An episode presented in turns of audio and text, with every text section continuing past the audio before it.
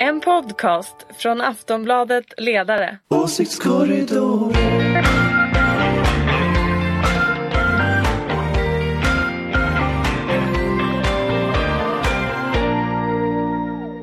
Hej och välkomna till Åsiktskorridoren. Just nu är det svinkallt i Sverige och elförbrukningen slår rekord. Varken det eller den fortsatta pandemin stoppar ju förstås den svenska politiken eller dess ständiga följeslagare, Åsiktskorridoren.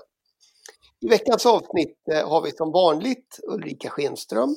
Du är moderat och chef för den gröna och liberala tankesmedjan Fores. Så är det. Hej hej! Hej!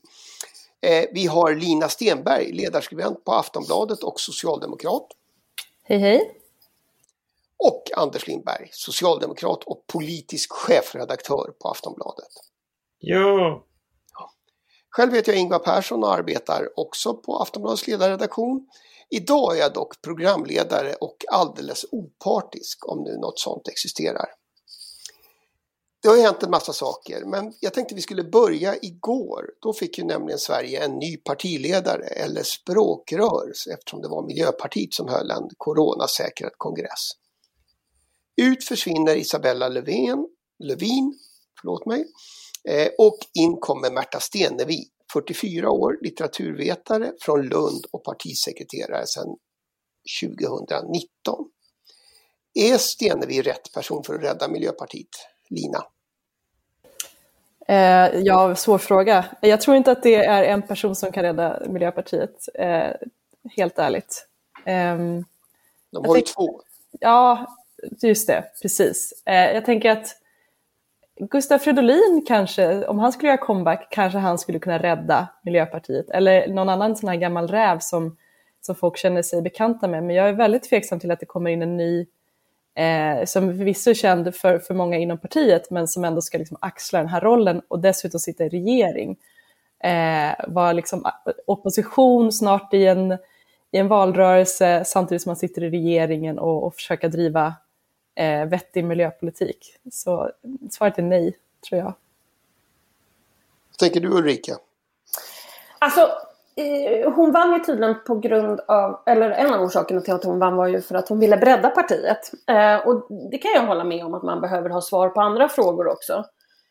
Än bara klimat, miljö, alltså att man, har, att man blir breda arbetsmarknadsfrågor, ekonomiska frågor, alltså bredda det här till jobb, eh, skola och omsorg. Och, och, det är väl jätterätt tänkt. Problemet är ju bara att det är ju oftast ett regeringsbärande parti som, som har breda program. Och, eh, men det är möjligt att de vill bli ett regeringsbärande parti och växa till 25-30 procent. Men jag tror att i detta läge som är nu, där eh, miljö och klimatfrågan är så pass stor och så pass mycket på alla människors eh, hornhinna och att den är så viktig, så tycker jag det är konstigt att de just inte växer. Eh, det är kanske snarare så att de behöver se över just de frågorna på ett annat sätt eller, eller åtminstone kanske jobba mer med just dem. Ehm, och kanske försöka synas ännu mer i de frågorna än vad de redan gör. Och det är ju det där som är problemet med att vara ett litet parti i, ett regering, i en regering där man är flera partier. Så det är klart att det är, det är komplicerat. Jag minns ju Reinfeldt-regeringen. Det var ju inte jättekul för de andra partierna kanske när vi Moderaterna ägde både Finansdepartementet, Statsrådsberedning, Justitiedepartementet, UD, Försvar. Det är klart att det blir komplicerat när man måste ta sig fram kanske med på och med mindre departement och kanske mindre portföljer. Så det, det, är väl, det är väl det man ska kanske tänka på att ska man fortsätta regera tillsammans med Socialdemokraterna kanske man ska bli bättre på att förhandla till sig andra poster så att säga. Att är man känd i klimat och miljöfrågor så kanske man ska satsa på att få departementsroller som kanske är bredare. Så tänker jag. Anders? Jag vet inte riktigt. Jag, det, det, lilla jag har sett av henne som partisekreterare så tycker jag att hon verkar vara en ganska imponerande person. Alltså det verkar vara en maktspelare av rang eh, och det tror jag är bra att Miljöpartiet har. Eh, speciellt i liksom, diskussion med Socialdemokraterna så behöver de ju det. Eh, men sen också, det verkar vara en person som faktiskt vinner på sina kongresser. Hon kuppade ju bort eh, den, förre parti, eller den, den partisekreterare som var föreslagen förra gången. Eh, och sådär. Och det, det, är klart att eh, den här vinnarskallen är väl någonting de behöver. att det finns en bild av att Miljöpartiet är så snälla och liksom mesiga. Och det tror jag är bra att det är någon som är lite hårdhänt i debatten. Sen så fick jag väl intryck igår när jag tittade på henne på TV att hon, hon pratar väldigt, väldigt, väldigt mycket. Men det är lite svårt att se, höra vad hon säger. Eh, och det där funderar jag lite på vad, vad eh, för, för Fridolin var ju precis likadan. Alltså han pratade ju, han pratade ju enormt mycket. Men det var liksom svårt att hitta ett fokus i det. Eh, och, och, jag vet inte om det där är någon intern kult, partikulturgrej kulturgrej hos dem, eller vad det är. Men jag tror det, det, är svårt att ta hem liksom. Det är svårt att vinna på det sättet. Fridolin gick ju sönder till slut. Han skulle prata om allt och liksom ha åsikter om allt. Uh, och jag undrar om inte det här är lite samma liksom, fenomen som Fridolin. Fick jag en sån här känsla av, men det är jag, jag, vet ju inte. Jag har inte sett henne jättemycket och jag har inte sett henne i debatter på det sättet än. Nej, men sen, också det här, sen också det här med att prata om annat. Det, det, ska väl vara något man brinner för. Man måste ju veta vad annat är.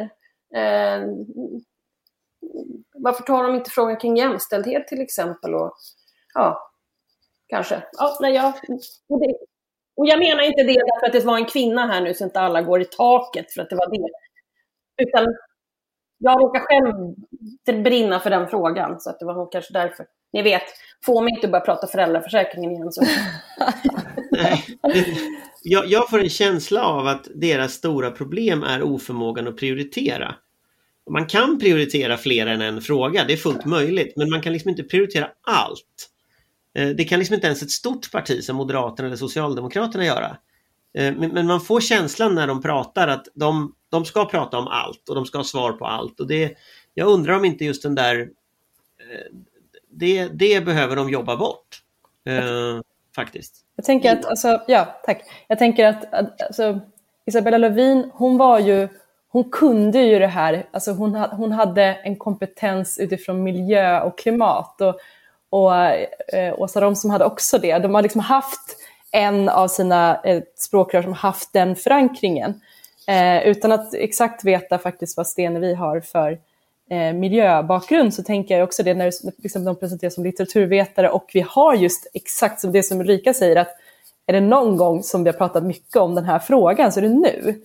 Alltså nu borde ju vara, det är nu de borde ha medvinden. Det är nu deras frågor är i ropet.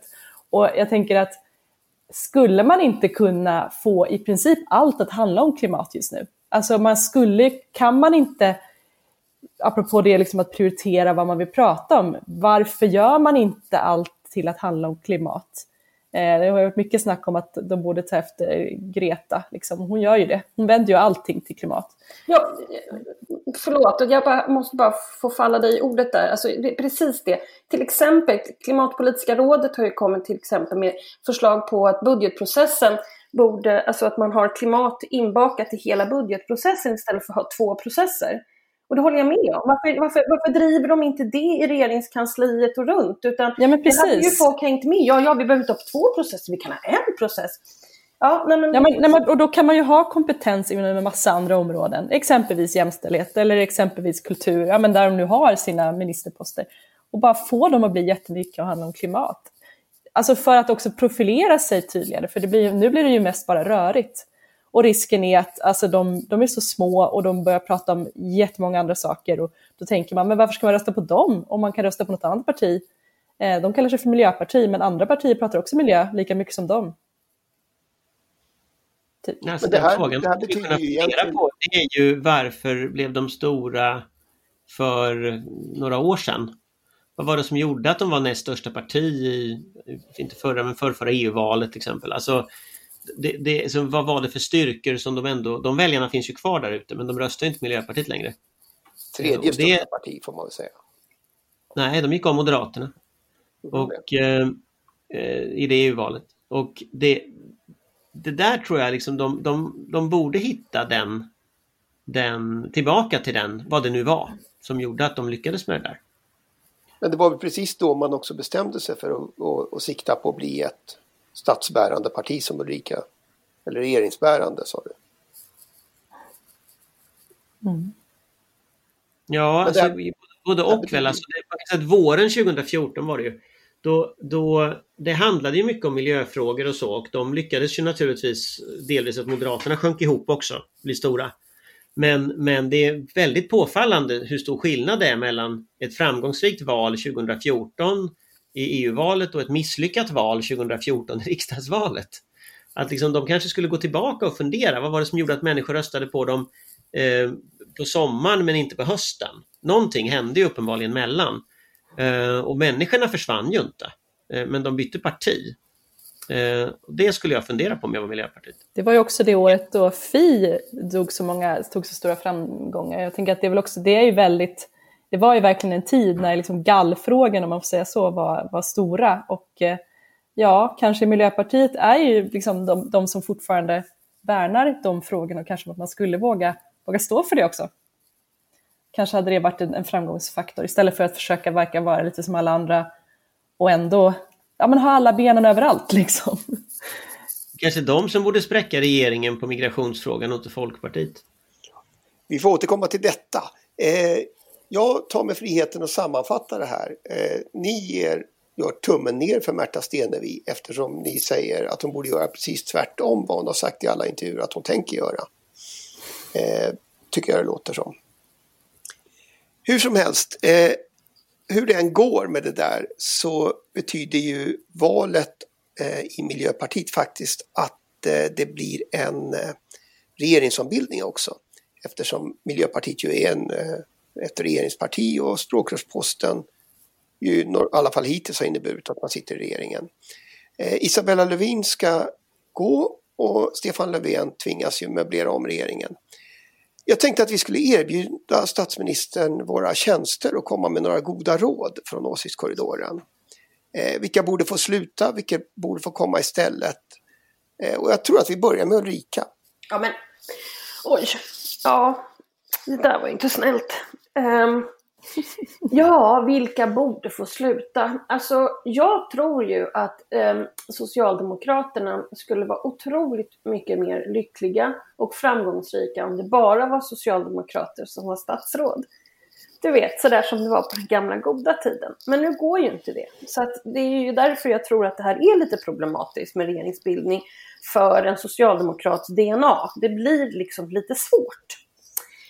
Eh, ja, alltså det är väldigt, väldigt svårt tycker jag. Alltså jag... Möjligen justitieminister, någon, någon starkare justitieminister. Eh, tror jag kan vara bra. Eh, inte det att jag faktiskt upplever att Morgan Johansson är jättedålig på sitt jobb, men jag tror man kanske skulle ha någon mer karismatisk. Lite sådär som, eh, Eh, vad heter han, eh, Ygeman när han var justitieminister. Ni kommer ihåg när han var liksom, han, han, var ju till och med lite sexig för moderater ett tag där. Kommer ni ihåg det? Det var ju helt otroligt. Um, så det, det är väl något man skulle kunna tänka sig.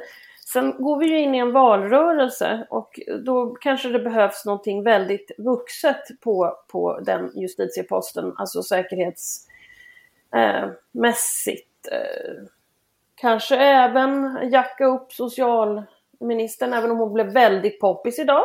Hallengren fick jättebra siffror idag i SVT. Eh, men jag tror lite grann på det här MSB, hur vi hanterar våra kriser, eh, justitie, alltså någon kanske sån här superminister som är jättebra på att ta hand om kriser och är vuxen. En liksom Hans Dahlgren-typ. Så, så att få folk att känna att de kan det här landet, det är tryggt här. Så kan jag. Du vill inte ha tillbaka Göran Persson? att det alltid ska sluta så här? Att vad jag än beskriver så är det Göran Persson. Jo, jag vet, jag vet, jag vet, jag vet. Men någonting sånt tror jag skulle vara bra lite mer landsvarigt. Sen tror jag att de partier, eller det partiet, som kommer att kunna prata om framtidstro, kan prata om optimism, som kan prata om allting som kommer framåt nu, som är positiv, inte bara pratar om saker man är emot och vilka som är klåpare eller alla de här K-anmälningarna eller något sånt där. Utan den som helt enkelt håller flaggan i topp och pratar om det som komma skall och är positiv. och framtidsinriktad. Den, det partiet tror jag kommer att eh, bli väldigt uppskattat eh, från oss vanliga väljare här ute som längtar efter optimism och framtidstro. Jag vet, det var inte en jättebra regeringsbildning.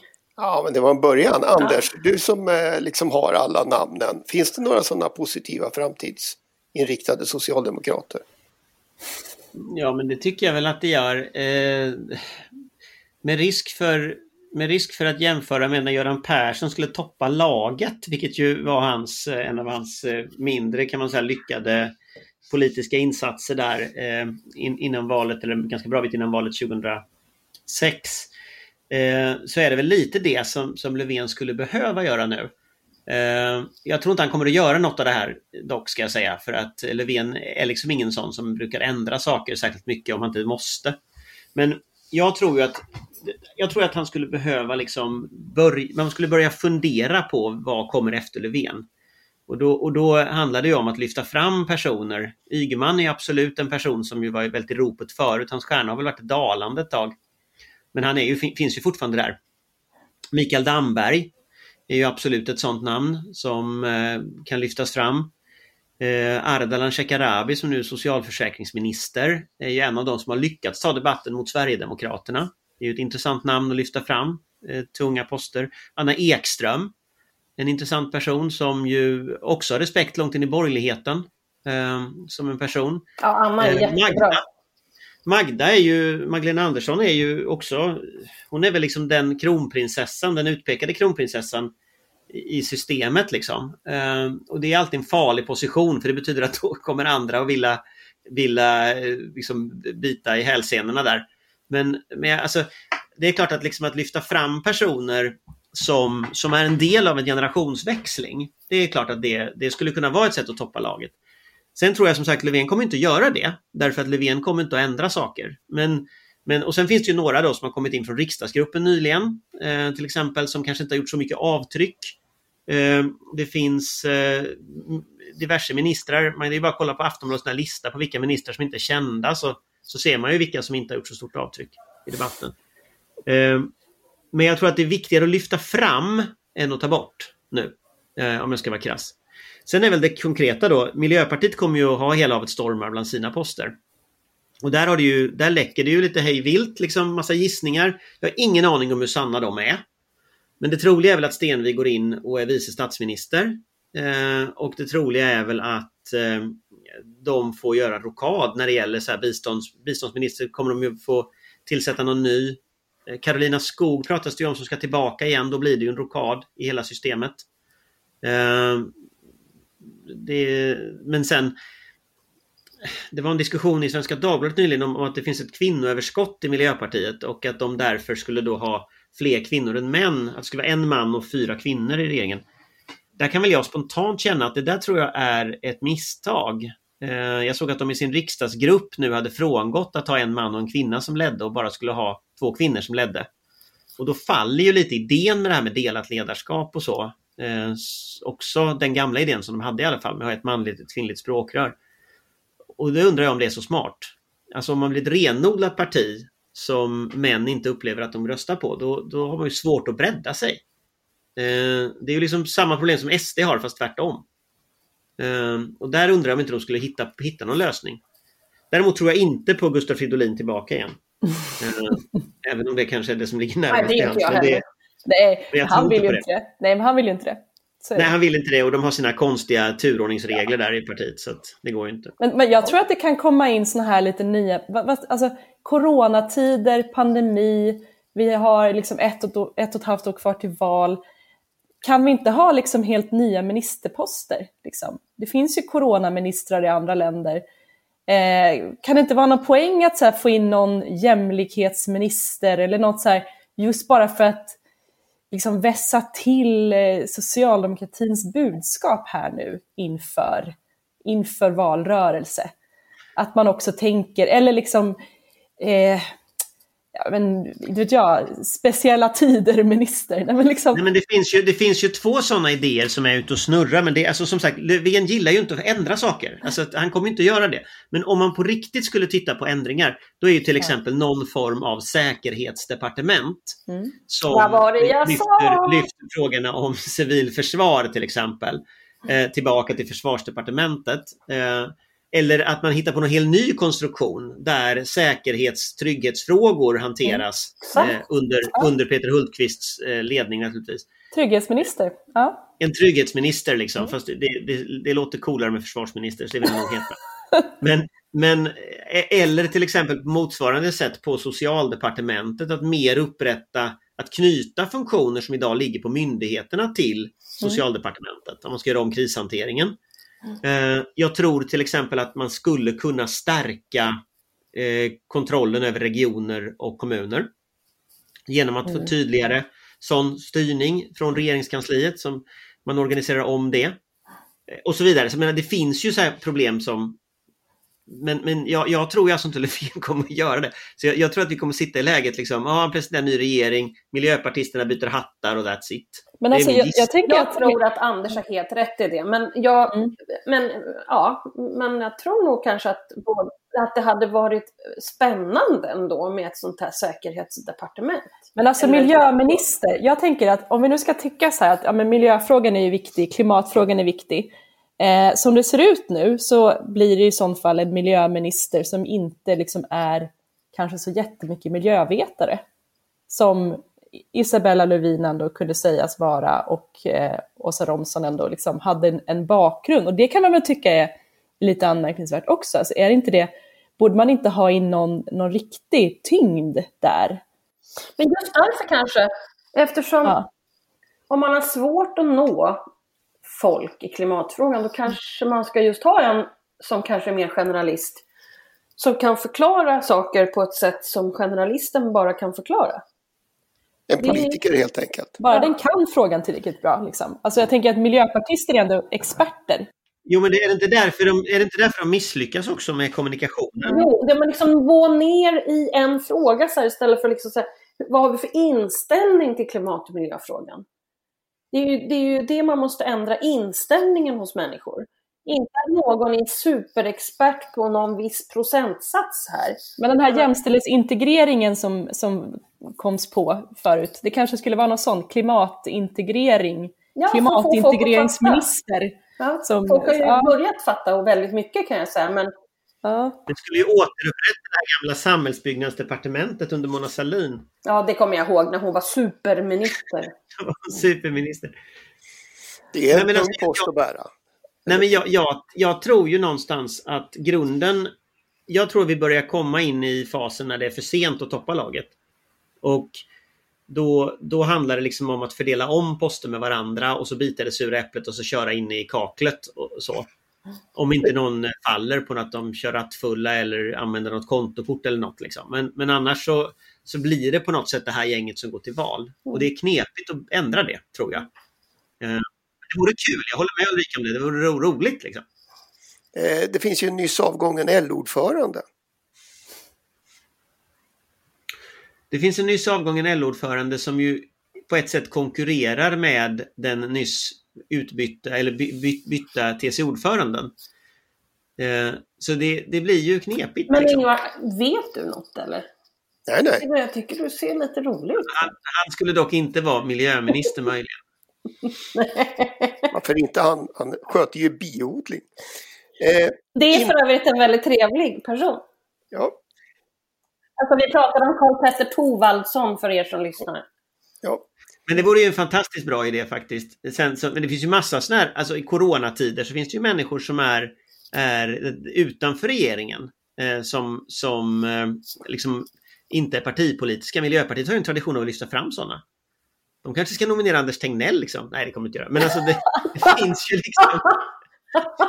Det finns ju en massa människor utanför regeringen som Miljöpartiet. Alice Bah Kuhnke var ju inte politiker innan hon blev MP-politiker till exempel. De kanske hittar någon sån expert på corona som de lyfter in som sabbar alltihopa för sossarna. Det vore också ganska kul liksom som koncept.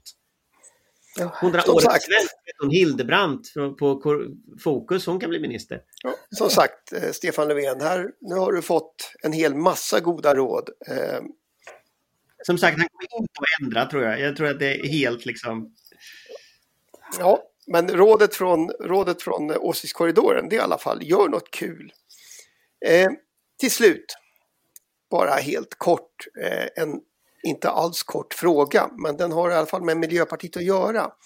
Eh, det verkar ju vara på väg att blåsa upp till politisk storm. Jag vet att Åsiktskorridorens uppfattning är att det inte blir något extraval. Frågan är väl vad som händer nu när Nyamko Sabuni igen har hotat att hoppa av eh, januarisamarbetet eh, och Annie Lööf igen har sagt att eh, gör hon det så tänker hon inte stå kvar i den skitstorm som kommer att drabba henne då. I alla fall inte själv. Eh, så då är frågan om Miljöpartiet dessutom säger att det som är skrivet i januariavtalet gäller. Eh, och under så att någonstans har vi ju fler partier än någonsin som kämpar mot 4 spärren just nu. Kristdemokraterna ska väl räknas dit också. Har vi för många partier i Sverige, Anders? Ja, det har vi ju. Vår konstitution är ju skriven för fem partier. Så det är ju tre för mycket. Ja, jag håller med. Det är för många. Är det det väljarna har upptäckt? Nej, men jag tror att... Alltså, det, det, vi har ju en grundlag som är jättekonstig på det sättet att den var ju en kompromiss mellan fem partier. Och de fem partierna har nu fått sällskap. Men inget parti har försvunnit. Ny Demokrati kom ju och gick en stund där. Men och Miljöpartiet tog in, åkte ut, kom in. Men, men grunden är ju att det, det blir fler och fler partier trots den här 4% spärren som ju syftar till att stoppa små partier. Fast hade det inte Ja. varit för Sverigedemokraterna så hade det inte varit så. Alltså då hade vi ju haft lika många partier. Det är de som har slagit ut alla andra. Det måste man ändå säga. Nej, de är ett parti. Ja, de har tagit 20 Miljö, procent av men. Miljöpartiet, Miljöpartiet eh, och Kristdemokraterna och eh, Sverigedemokraterna ingick ju inte i den ursprungliga strukturen och, och det innebär ju att till exempel utskottsstrukturen, hur den är upplagd, hur, hur liksom riksdagsordningen är formulerad.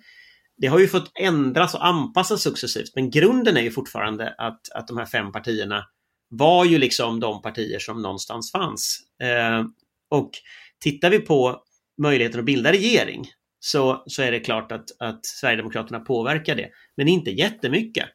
Alltså, vi hade minoritetsregeringar innan SD och vi har minoritetsregeringar med SD. Men, det, men alltså, så här, i och med att de har kommit in i liksom finrummet och numera accepteras och debatteras med och finnas med, så, plus att de då liksom driver den här populismen, så, så har ju landskapet blivit uppdelat på ett helt annat sätt. Så att, men de, de ser ju till att liksom, alltså den här uppdelningen i, i två enheter som vi har nu, det skadar ju för de små, de små partierna. De små partierna, där, ju mer heterogent det är, desto mer kan varje litet parti blomma. Liksom. Nu kan de inte det, nu finns det de här två enheterna och då måste man anpassa sig till dem.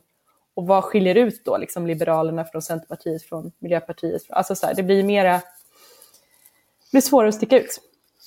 Det finns flera, flera problem uppenbarligen i svensk politik och det är ju tur för oss för det betyder ju att vi har många fler frågor att svara på i nästa veckas Men ni åsiktskorridorer. svarar inte på om det fanns så många partier. Jo, du sa Jo. att det var det. Ja, men jag sa det. Ulrika Ja, sa det jag också. höll med. Jag tycker inte det. Nej, precis. Det var det jag anade. Det- The more the merrier. Ja, men då, då är det två mot ett i den frågan. Eh, det kan jag avgöra som opartisk ordförande. Eh, det där var allt vi hinner med faktiskt den här veckan. Eh, men som sagt, om en vecka är vi tillbaka. Jag tackar Ulrika, jag tackar Lina och jag tackar Anders. Och mest av allt kanske jag tackar dig som lyssnar på Åsiktskorridoren. Det var allt för nu. Hej, hej. Peace out. hej. Ha en trevlig vecka. Hej hej! En podcast från Aftonbladet Ledare. Åsiktskorridoren